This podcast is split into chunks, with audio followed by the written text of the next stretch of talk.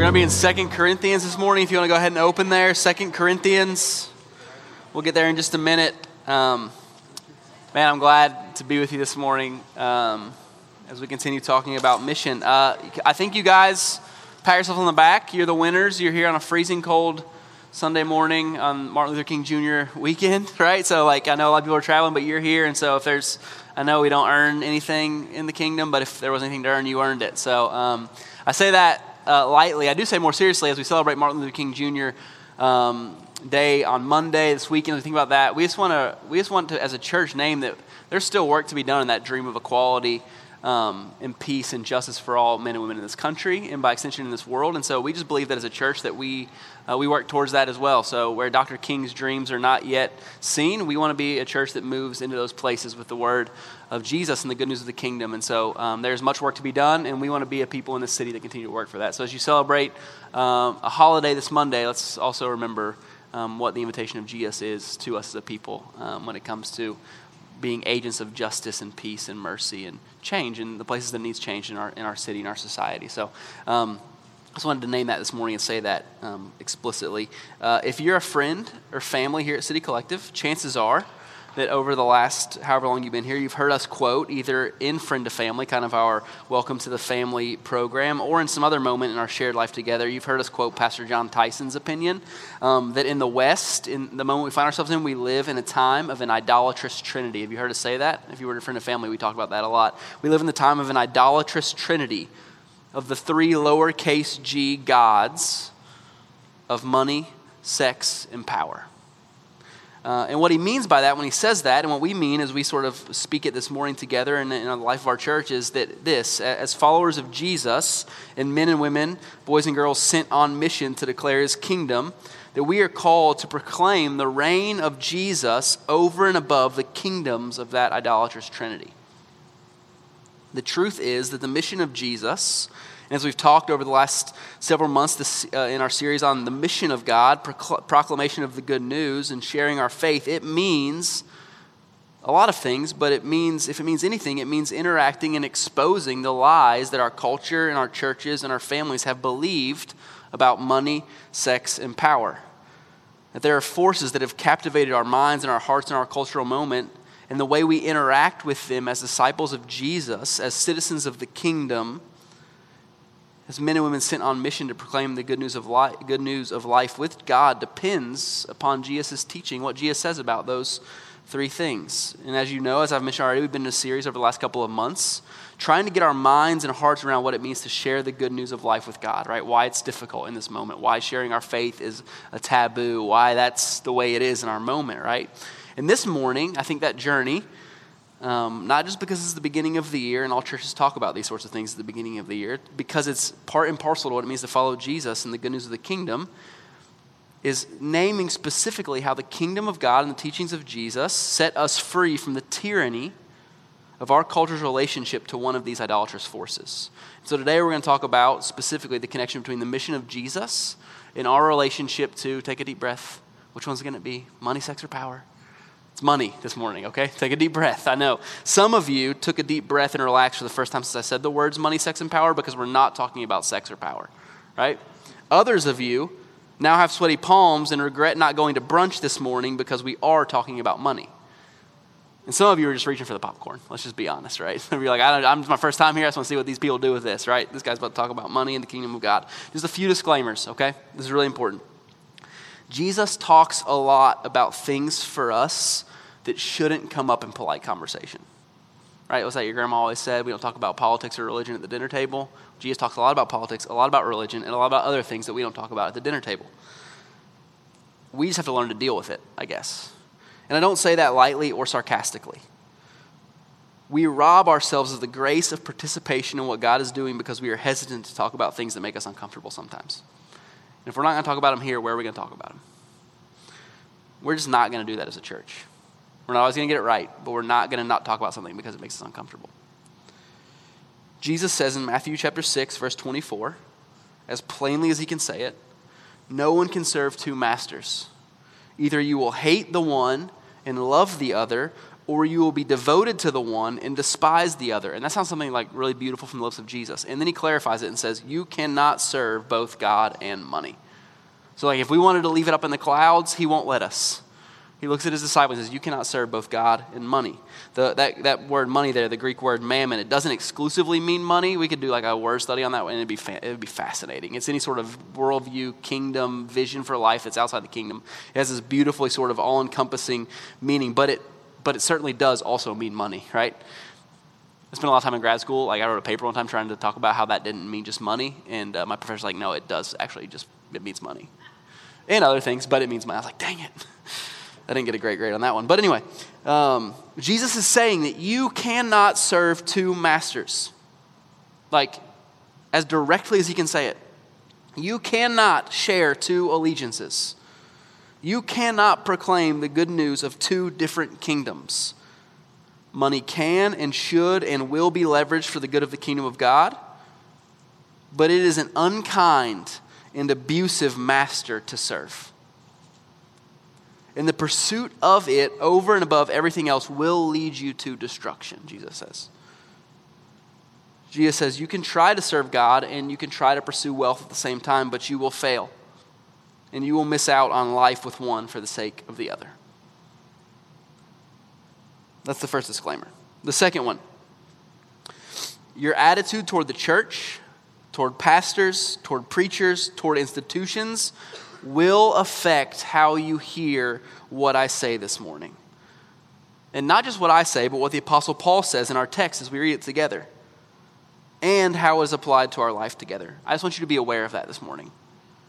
And maybe, just maybe, the invitation of the Holy Spirit this morning is to help you ask the question if you feel some pushback in your soul why do I feel this? Why does this step on my toes? Why do I agree? Why don't I agree? Is it me? Could be you. Is it him?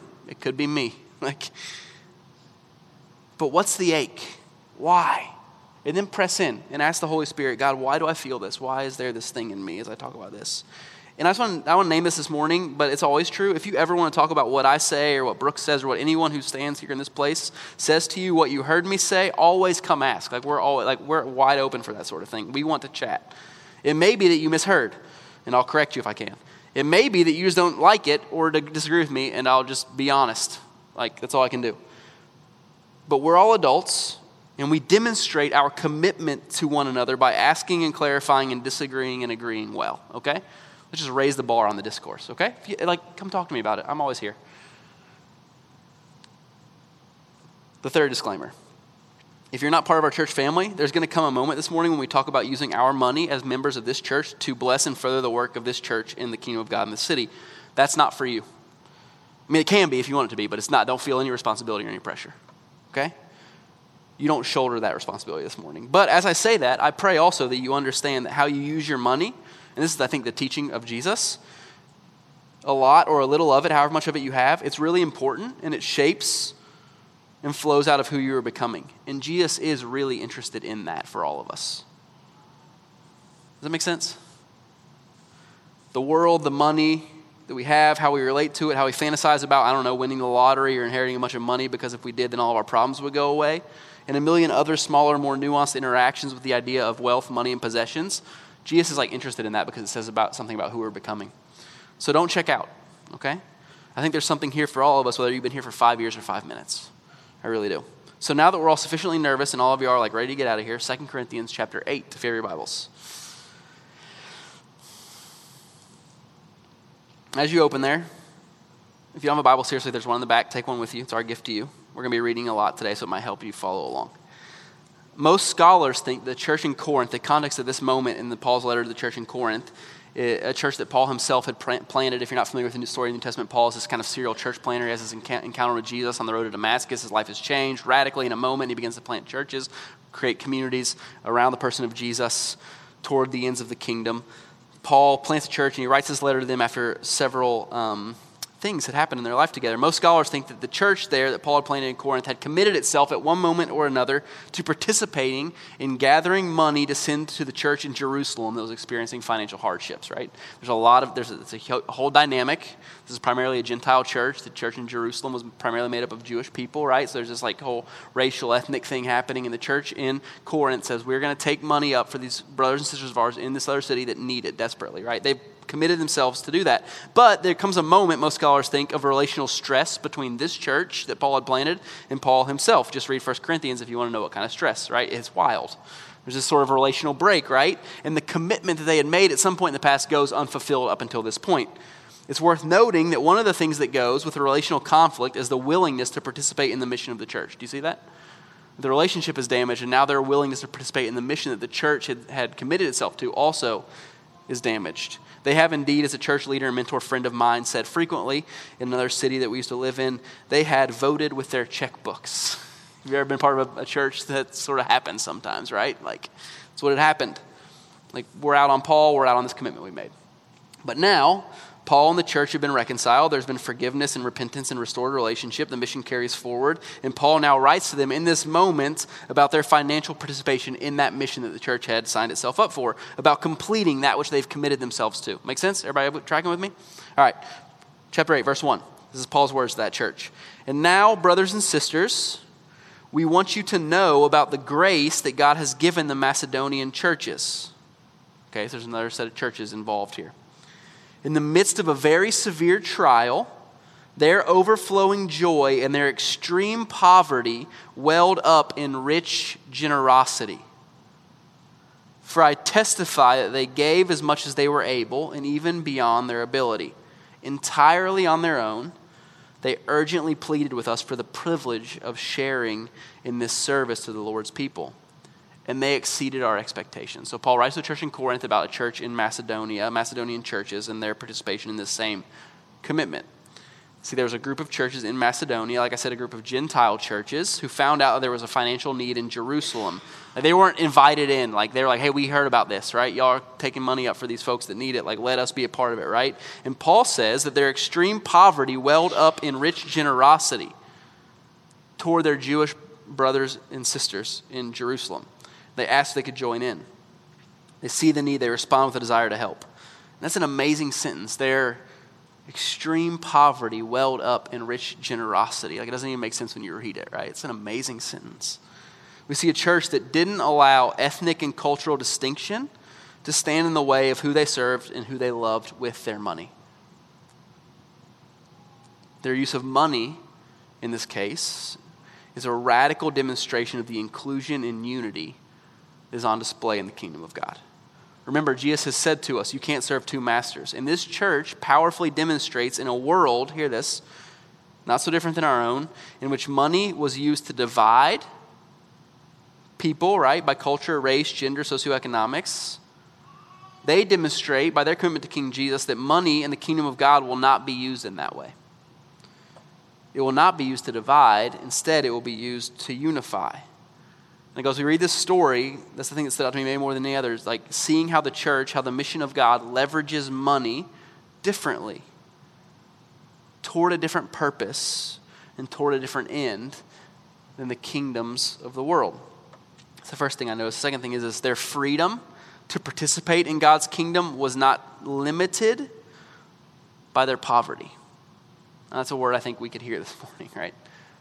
I look around, I don't see like many of us is like top 1%, right? Like their freedom to participate in what God was doing financially, explicitly, was not limited by their poverty. And I think so often for myself, we limit ourselves because we believe a lie that we can't be generous if we don't have a certain amount to be generous with. Anybody else there? It's just not true. It's just not true. Jesus tells a story about an elderly woman who gives two coins, but he doesn't tell a story, he witnesses it, right?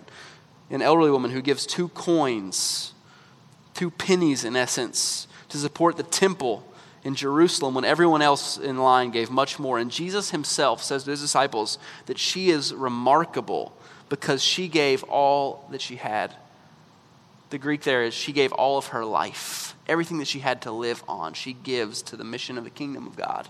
And Jesus calls her out of a group of people and says, She is remarkable. She is the one you should pay attention to because it's out of her poverty that she gives generously. Jesus says that our willingness to give out of our poverty oftentimes demonstrates, I think, our trust in God and our level of discipleship.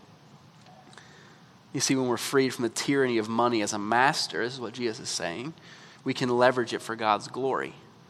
Until we're free of that tyranny, we cannot.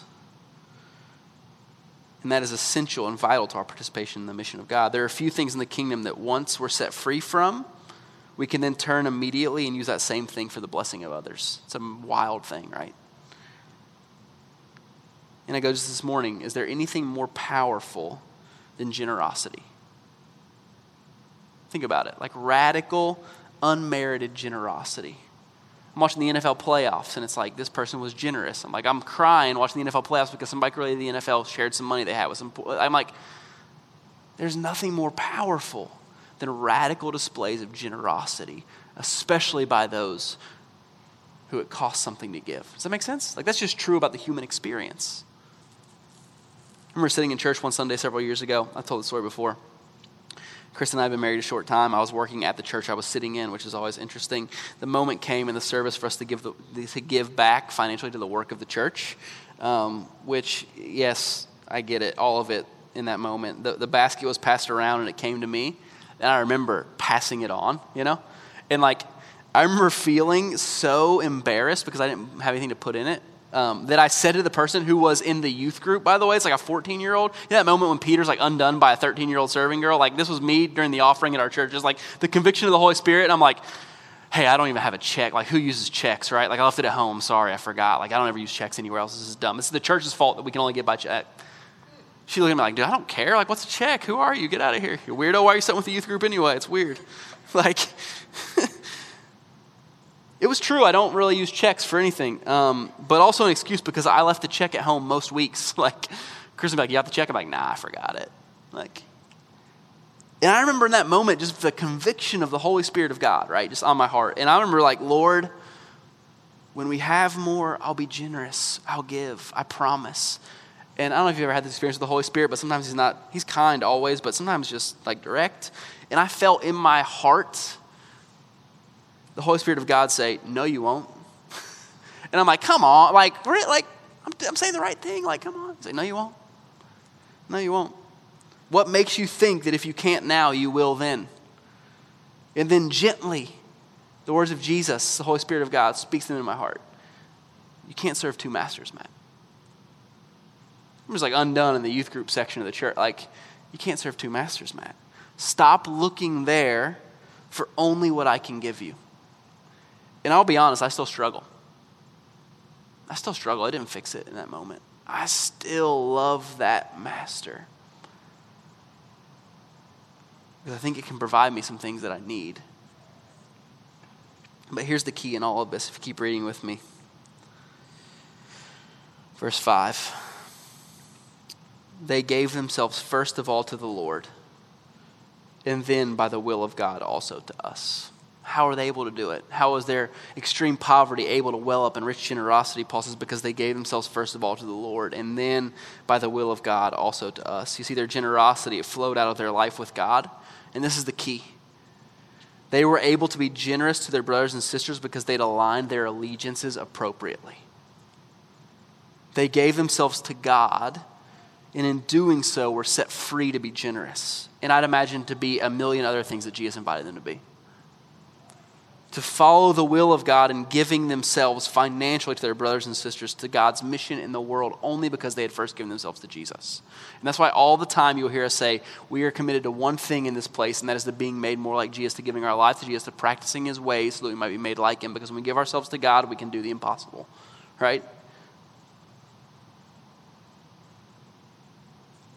And sometimes parting with our finances is impossible. At least it seems like it, right? What many look to money to do, they had found in God. And then they saw their money for what it was a tremendous resource to be leveraged for the mission of the kingdom of God. And I just want to say this as clearly as I can to myself first, and to you, our church family, secondly. One of the places, I believe this, that you can most clearly and honestly evaluate your discipleship and apprenticeship to King Jesus, Paul's going to say this in just a minute, so it's not just me, is in the degree to which you are able to let go of that which God has put in your hand. say that again. I think one of the places that you can see most clearly and honestly and evaluate your discipleship to King Jesus is the degree to which you are able to let go that, of that which God has put in your hand, financially or otherwise. And that sounds great. Like you could tweet that, right? I mean, don't, but you could. But when the third kid is coming, and the school loans are going to have to start being repaid soon, and the car needs new tires, and inflation is creeping up, just, you know, naming totally random circumstances that could probably apply to any of us in the room. That's like our life right now. Jesus asks again in that moment, Matt, how free are you? I just felt him asking it all week, like, Matt, how free are you? I'm like, not very free, because they didn't forgive those student loans, or well, I don't, you know, I'm like, who have you given yourself to, Matt? Have you given yourself to the God of scarcity and interest rates and credit scores? Or have you given yourself to the God who owns the cattle on a thousand hills and has at his disposal the storehouses of heaven? I'm like, oh, the second one sounds better. Like, that one, I want to give myself to that one. Verse 6 So he urged Titus, just as he had earlier made a beginning, to bring also to completion this act of grace on your part. But since you excel in everything, in faith, in speech, in knowledge, in complete earnestness, and in the love that we have kindled in you, see that you also excel in this grace of giving. Paul says the truth is you can be a really impressive disciple of Jesus. You can excel in a lot of things that are graces and part of what it means to follow Jesus into the kingdom of God. You can excel in all of those things, but make sure you also excel in this grace of giving. It's important, Paul says. And it's a grace. And I want you to name that this morning. It's not an obligation. It's not like being generous is a grace. Why? Because it's a gift that points to the gift that we've received. It's a gift rooted in the gift that we've received in Jesus, that we are never the first givers. Never. And it's a grace because in giving we experience again the gift that we've been giving. Verse 8, I'm not commanding you, this is really important. Paul says, I'm not commanding you, but I want to test, and this is I want to test the sincerity of your love by comparing it with the earnestness of others. Yes, that's in the Bible. For you know the grace of our Lord Jesus Christ, that though he was rich, yet for your sake he became poor, so that through his pov- through you his poverty might become rich, so that you through sorry, so that you through his poverty might become rich. And I don't know how to say this any other way than Paul said it, so I'm just going to let him say it. Like this is our posture as a church. We're just going to go with Paul on it. And if you feel conviction or anger, take up take it up with him or email Brooks. Like uh, it's okay. I, like seriously, we like talk about it. Like that's a joke. I don't email Brooks. Like come talk to me. Or do email Brooks. I would love to read that on Tuesday morning. Paul says, "Listen, I could command you." I could.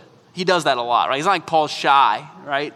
It's not like he's like shying away from like, ooh, I, like he said, I could command you. I could say, hey, like, as your spiritual father, give them some of your money. They need it. So I could do that. But I'm not going to, Paul says. You don't have to do this. No one is checking. It's not compulsory. But Paul says, I do want to test you. And you may not like that either. And again, that's an email for Paul, I guess. I do want to see something. I am interested in seeing something, Paul says he writes to this church. And that something is not how much money you give, it's not how much money you have, it's not how committed you are to the vision or the service project or whatever it is. I want to see, Paul says, how sincere your love is. Paul says the sincerity of your love for God's people and his mission in the world is directly related, in this case, to your ability to give financially toward the mission of the church. And it can be compared, not in amount, here, that's not in amounts, not in size of the gift, not in impressiveness of that which was collected, but by the spirit in which it was given, the earnestness, the eagerness, the willingness, the freedom with which the gift is given. Paul says it can be compared to the action and the giving and the generosity of your brothers and sisters in other places in the world. And I want to see. I want to see where you're at. You see, we're talking so much more about, we're talking about so much more than zeros on the right. We're talking about the formation of the heart of disciples of Jesus, men and women like me and you. Not what they gave, but the spirit and freedom in which it was given. And this is why giving is so much more than something that we do, because if not, the church can't pay its rent. This is about the formation of our hearts as disciples of Jesus in our ability to say, we serve King Jesus and no other master, no other Lord. We will not be slaves to our bank accounts or our financial situation. We serve God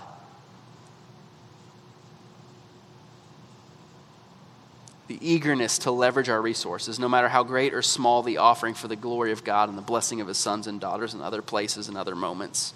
You see, Jesus is not coercive. His church should not be coercive. If you feel obligated ever in any moment to give something financially or otherwise, don't, especially this morning. It's not what we're here for. But if you feel invited, led, free, then do.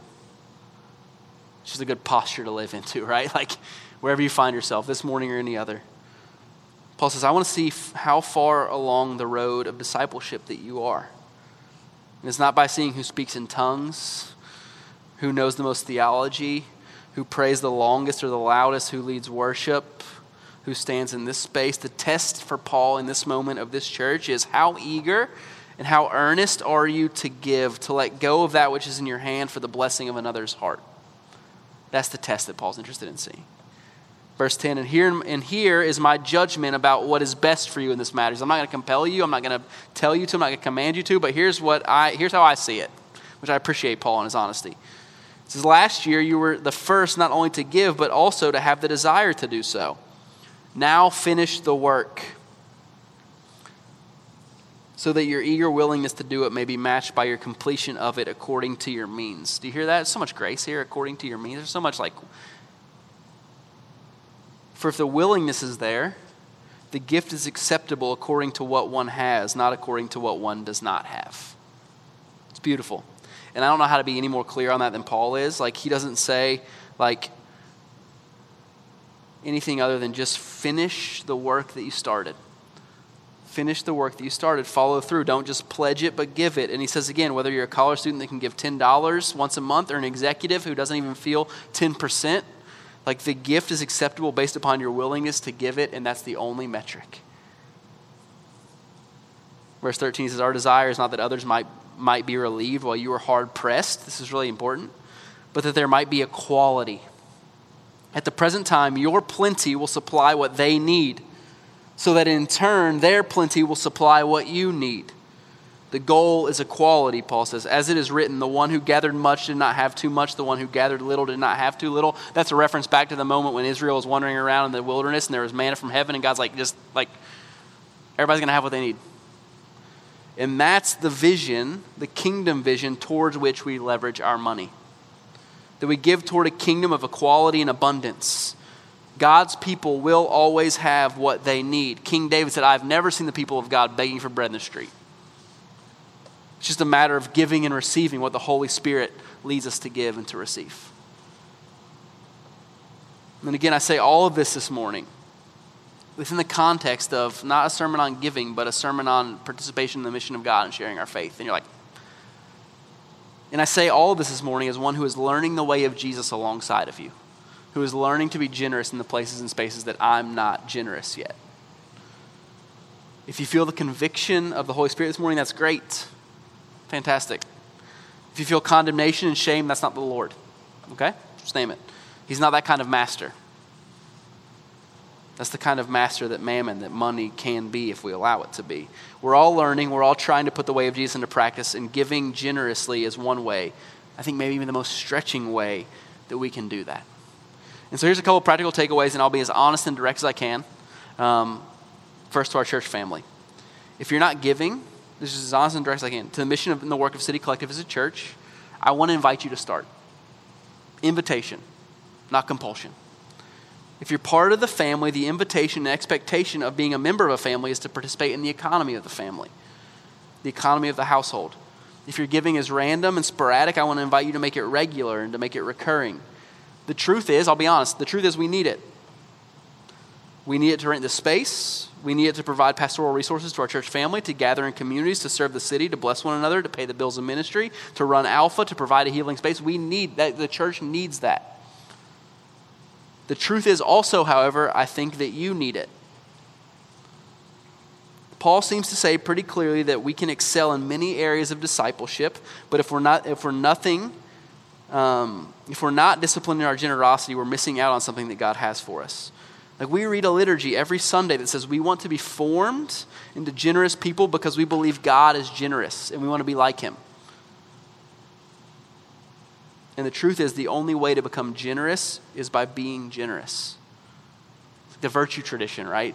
The only way to become courageous men and women is to do courageous things. We don't study our way into it, we practice our way into it. And so if you're like me this morning, you're sitting in the church and you're like, I'll be generous when, like, no, God's like, no, you won't.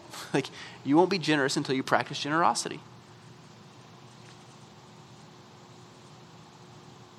So grab a card on the way out, sign up for recurring giving. The transformation, I believe, comes by way of practice, Paul says, not just intention.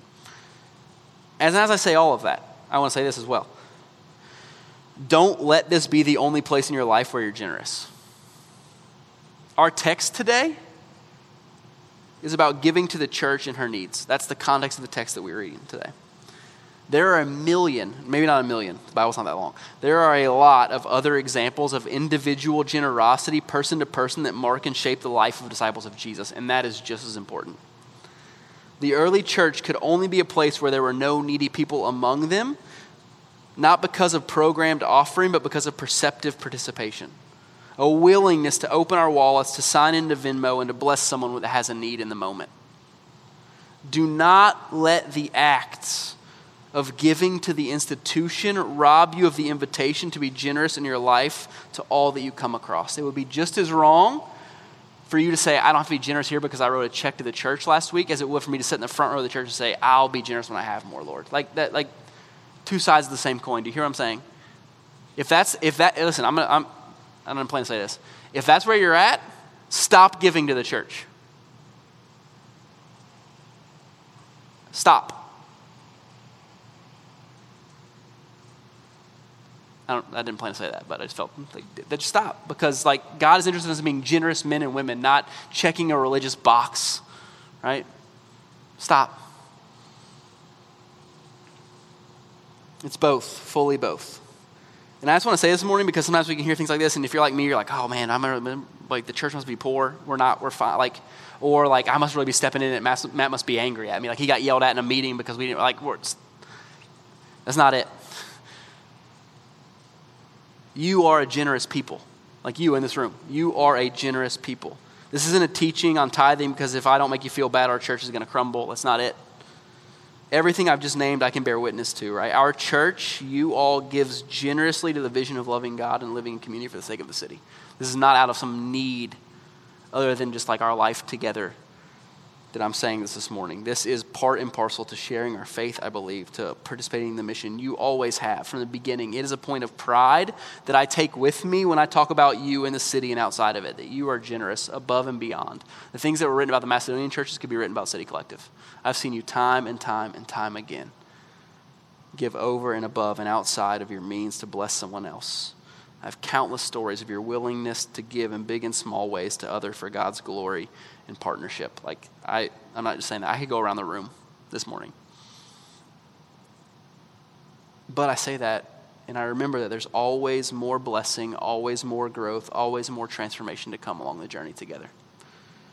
And this morning, if you're not part of our church family, if you're like, if you were here for the, if you got the popcorn out earlier, um, I want you to hear this. The invitation of Jesus is an invitation into his kingdom. And as you gather with us this morning, this is all uh, this is worth asking the question. All of us is worth asking the question this morning. I think what does your relationship to money tell you about what you value and about what you love and about what master you serve? It's a question worth asking. Who are we serving? What are we missing out on when it comes to the freedom that Jesus wants to give us to be generous with what we have been given? Let's pray this morning. We'll take communion together. So, Lord, we love you. And God, I pray that we be a people committed to your ways and your vision for our lives. And I pray for your spirit this morning of, um, of love and acceptance over this room. It seems like when we talk about certain things that there's just this spirit of like condemnation that we can breathe. Like either we're not doing enough, we're not good enough, we like missed it here. We see all the opportunities to be generous that we missed over the last week. And God, I pray that your spirit would just move us past all of that. And that you would move us and invite us into the space that says, like, that for freedom we've been set free that your death on the cross freed us from a lot of things, Jesus. And one of the things that it freed us from is the tyranny of oppressive masters in kingdoms that are not yours. And so I pray this morning that you would release us as a church family to be generous, to put our confidence in you, not, not because when we're generous we earn something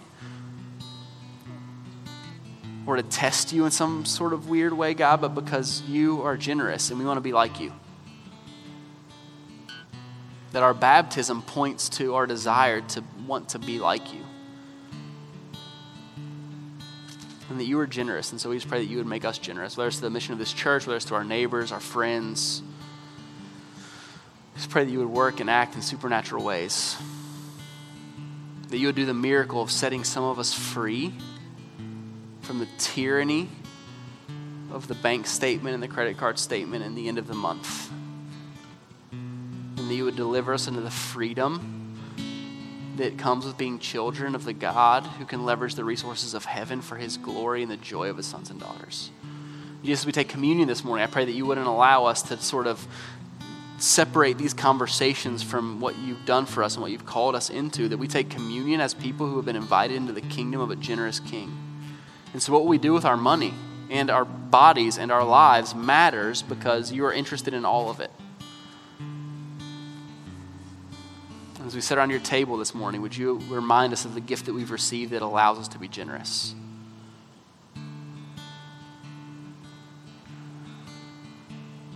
So we love you. Thank you for your body that was broken, your blood that was shed, for your life that was given up for us and then given to us, for the promise that if we experience a death like yours, that we will also experience a resurrection like yours on the other side of it. And so, Jesus, we pray to you this morning that you would put to death a dependence on finances and money and resources and what we have that is hollow and that is fleeting and that feels safe and secure but is, is not.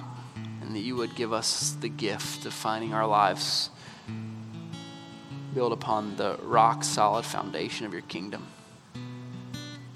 Help us this morning in the space at your table to disavow any masters that we're serving other than you, Jesus. And to give our allegiances fully to your kingdom and your vision for life, for your glory and our joy. We love you in Jesus' name. Amen. Amen.